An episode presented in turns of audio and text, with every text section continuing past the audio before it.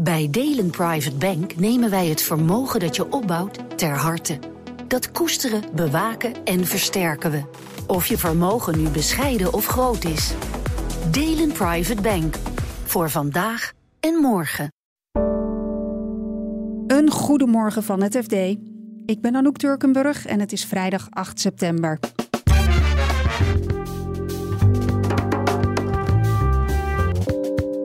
OM zoekt al meer dan een jaar naar een jonge belegger die miljoenen buit zou hebben gemaakt. En dat werd een beetje in de markt gezet als gratis geld. Waarom blijven die prijzen maar stijgen? Het is veroorzaakt door wat economen wel het zweepslageffect noemen. En de grootste beursgang van dit jaar lijkt aanstaande. Het laatste bericht is dat ze daarbij schatten dat ARM gewaardeerd wordt op ongeveer 50 miljard dollar. Dit is de dagkoers van het FD. De 26-jarige Julius J. wordt al een jaar gezocht door het OM omdat hij wordt verdacht van beleggingsfraude. Redacteur Sonny Motke vertelt wie Julius J. eigenlijk is. Julius J. is de eigenaar van een beleggingsfonds, eh, Romanum Capital. En wat deed hij? Hij beloofde aan eh, beleggers en klanten om eh, geld te investeren in bijvoorbeeld tech-aandelen in Amerika.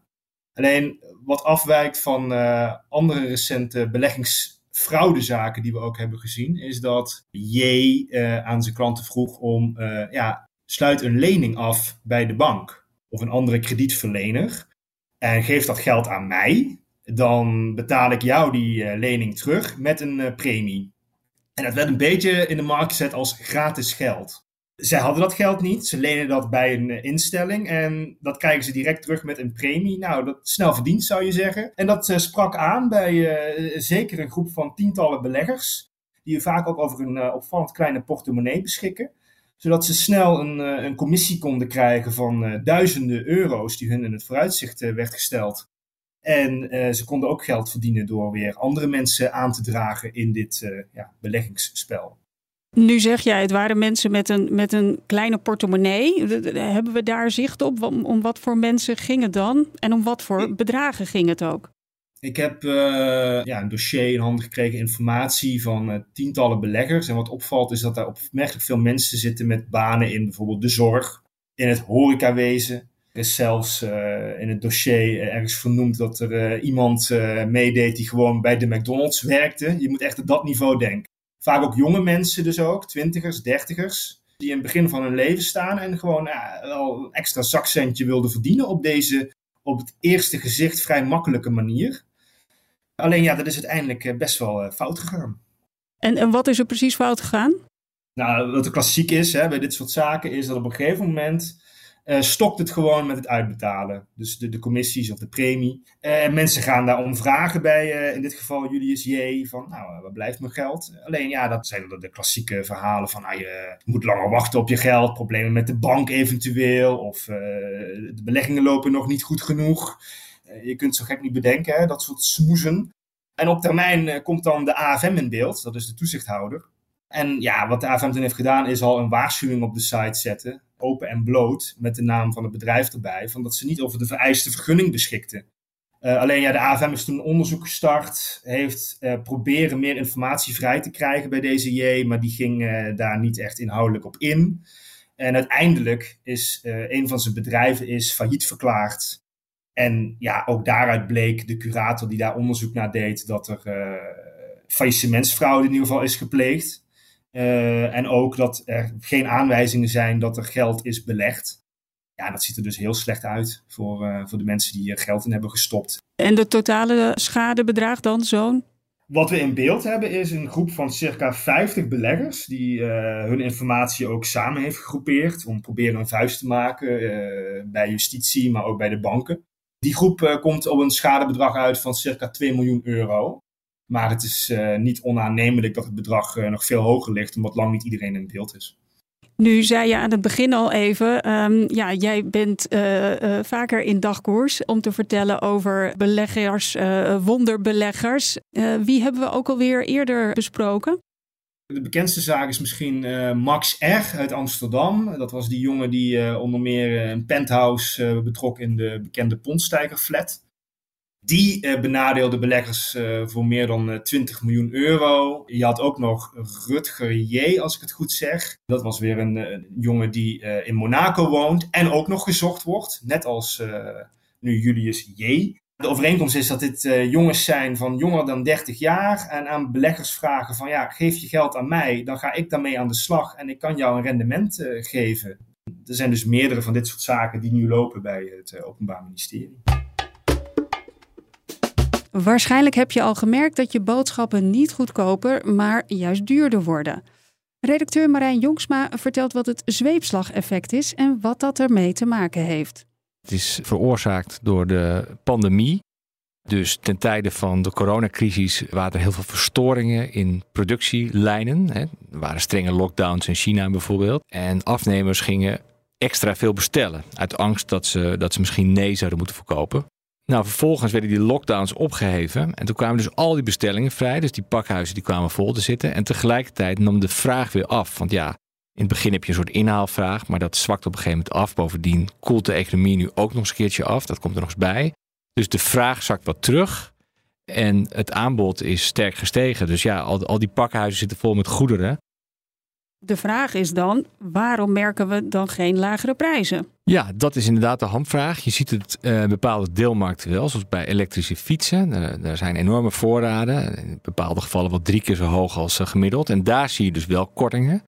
Maar in heel veel markten ook niet. De boodschappen niet, bijvoorbeeld. En het is eigenlijk een heel ingewikkeld proces hoe uh, bepaalde prijzen aan het begin. Hè, dus, dus grondstoffenprijzen. Je kunt van alles uh, verzinnen. Granen, olie, gas, metaal, kunststof. Nou ja, al die, die markten die zeg maar uh, wereldwijd zijn. Daar bewegen die prijzen heel fors. Maar naarmate je verder in het productieproces komt, worden die prijzen steeds meer rigide. En, en wij als consumenten, wij zitten achteraan bedoel je? Wij zitten achteraan. Producten die jij koopt in de supermarkt, ja, die hebben natuurlijk allerlei bewerkingen doorgaan. Er zitten allemaal schakels tussen.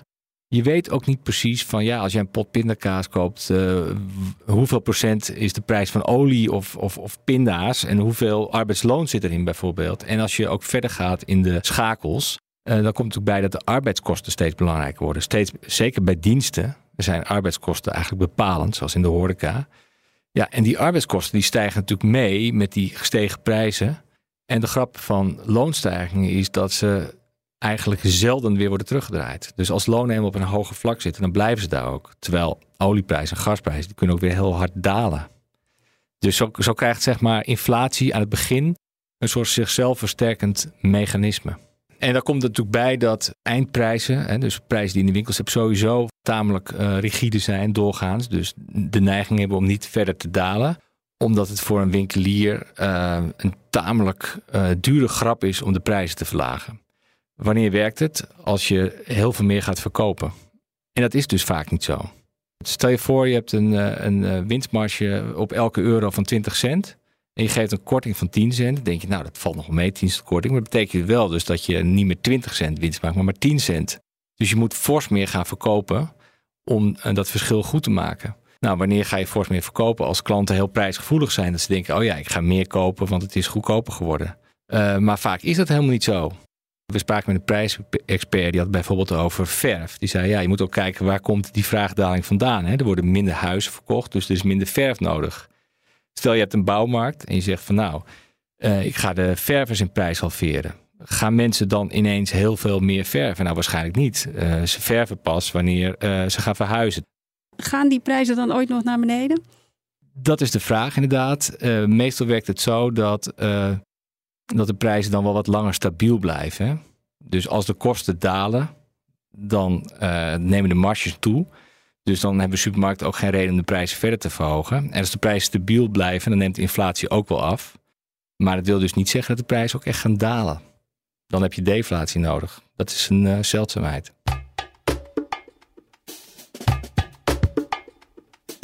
Je hebt misschien nog nooit van het bedrijf gehoord, maar de beursgang van het Britse arm maakt veel los. Het wordt de grootste van dit jaar, maar dat gaat nog niet zonder slag of stoot. Redacteur Telecom en Technologie Sandra Olsdoorn vertelt je eerst waarom het bedrijf voor jou onmisbaar is. Ze hebben een technologie die wordt gebruikt om chips te maken. En dat is een technologie die ervoor zorgt dat je bijvoorbeeld batterij van je telefoon heel lang meegaat. Belangrijke technologie, we gebruiken het allemaal. Dus ik denk ook een heel belangrijk en groot bedrijf. Ja, zeker. Het, is, uh, uh, staat op de punt om deels naar de beurs gebracht te worden. Het is nu uh, eigendom van de Japanse investering, investeerder SoftBank. Het grootste investeringsfonds van de wereld. Maar die hebben geld nodig en die brengen nu ARM naar de beurs om geld op te halen. En het laatste bericht is dat ze daarbij schatten dat ARM gewaardeerd wordt op ongeveer 50 miljard dollar. Dus dat is groot. Ziet dat er uh, rooskleurig uit ook? Nee, niet echt. Want uh, Softbank had uh, ARM liever voor een hoger bedrag naar de beurs gebracht. Maar de eerste berichten waren dat ze toch minstens rekenden op 60 tot 70 miljard dollar opbrengst. En nu lijkt het eerder richting de 50 te worden. Ja, en dat heeft te maken met meerdere dingen. Het is ook, um, je hebt nu de opkomst van kunstmatige intelligentie, artificial intelligence. En waar ARM heel groot is in uh, de uh, markt voor mobiele telefoons, daar zijn ze dat nog niet voor kunstmatige intelligentie. Dus die chips worden niet standaard met ARM-technologie gemaakt.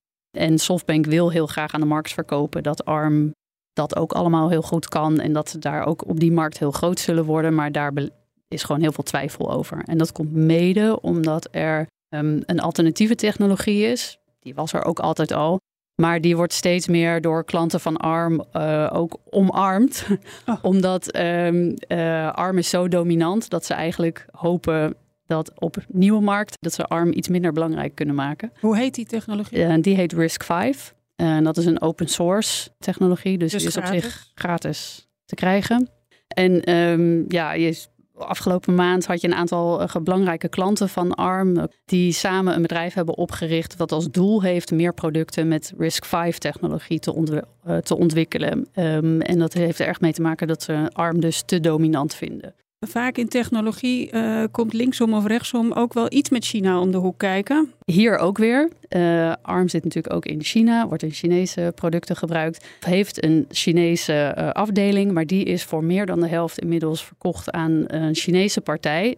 Allemaal met mysterie omgeven, want we weten eigenlijk niet zo goed waarom ARM dat heeft gedaan. Maar het komt er daardoor wel op neer dat ARM de controle over een heel belangrijk deel van zijn inkomsten inmiddels kwijt is. Nou, dat is ook met het oog op die beursgang natuurlijk niet zo gunstig. En wat je ook ziet is dat omdat China te maken krijgt met steeds meer westerse uh, exportrestricties op westerse technologie, dat zij bang zijn dat als ARM, dat is Brits, maar gaat straks in de Verenigde Staten naar de beurs. Als ARM eenmaal een Amerikaanse beursnotering heeft, dat het ook wel eens zo zou kunnen gebeuren dat ARM niet meer dingen aan Chinese klanten mag verkopen. Dus dan is het fijn dat er een alternatief is. Dus je ziet dat Risk 5 in China bijvoorbeeld ook heel veel wordt, populairder wordt.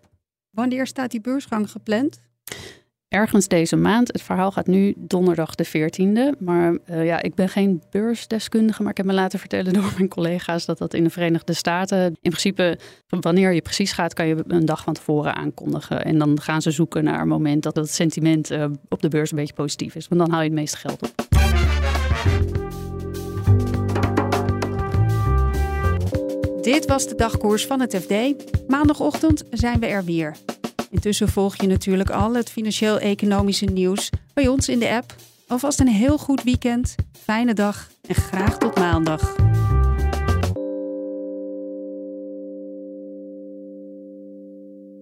Bij Delen Private Bank nemen wij het vermogen dat je opbouwt ter harte.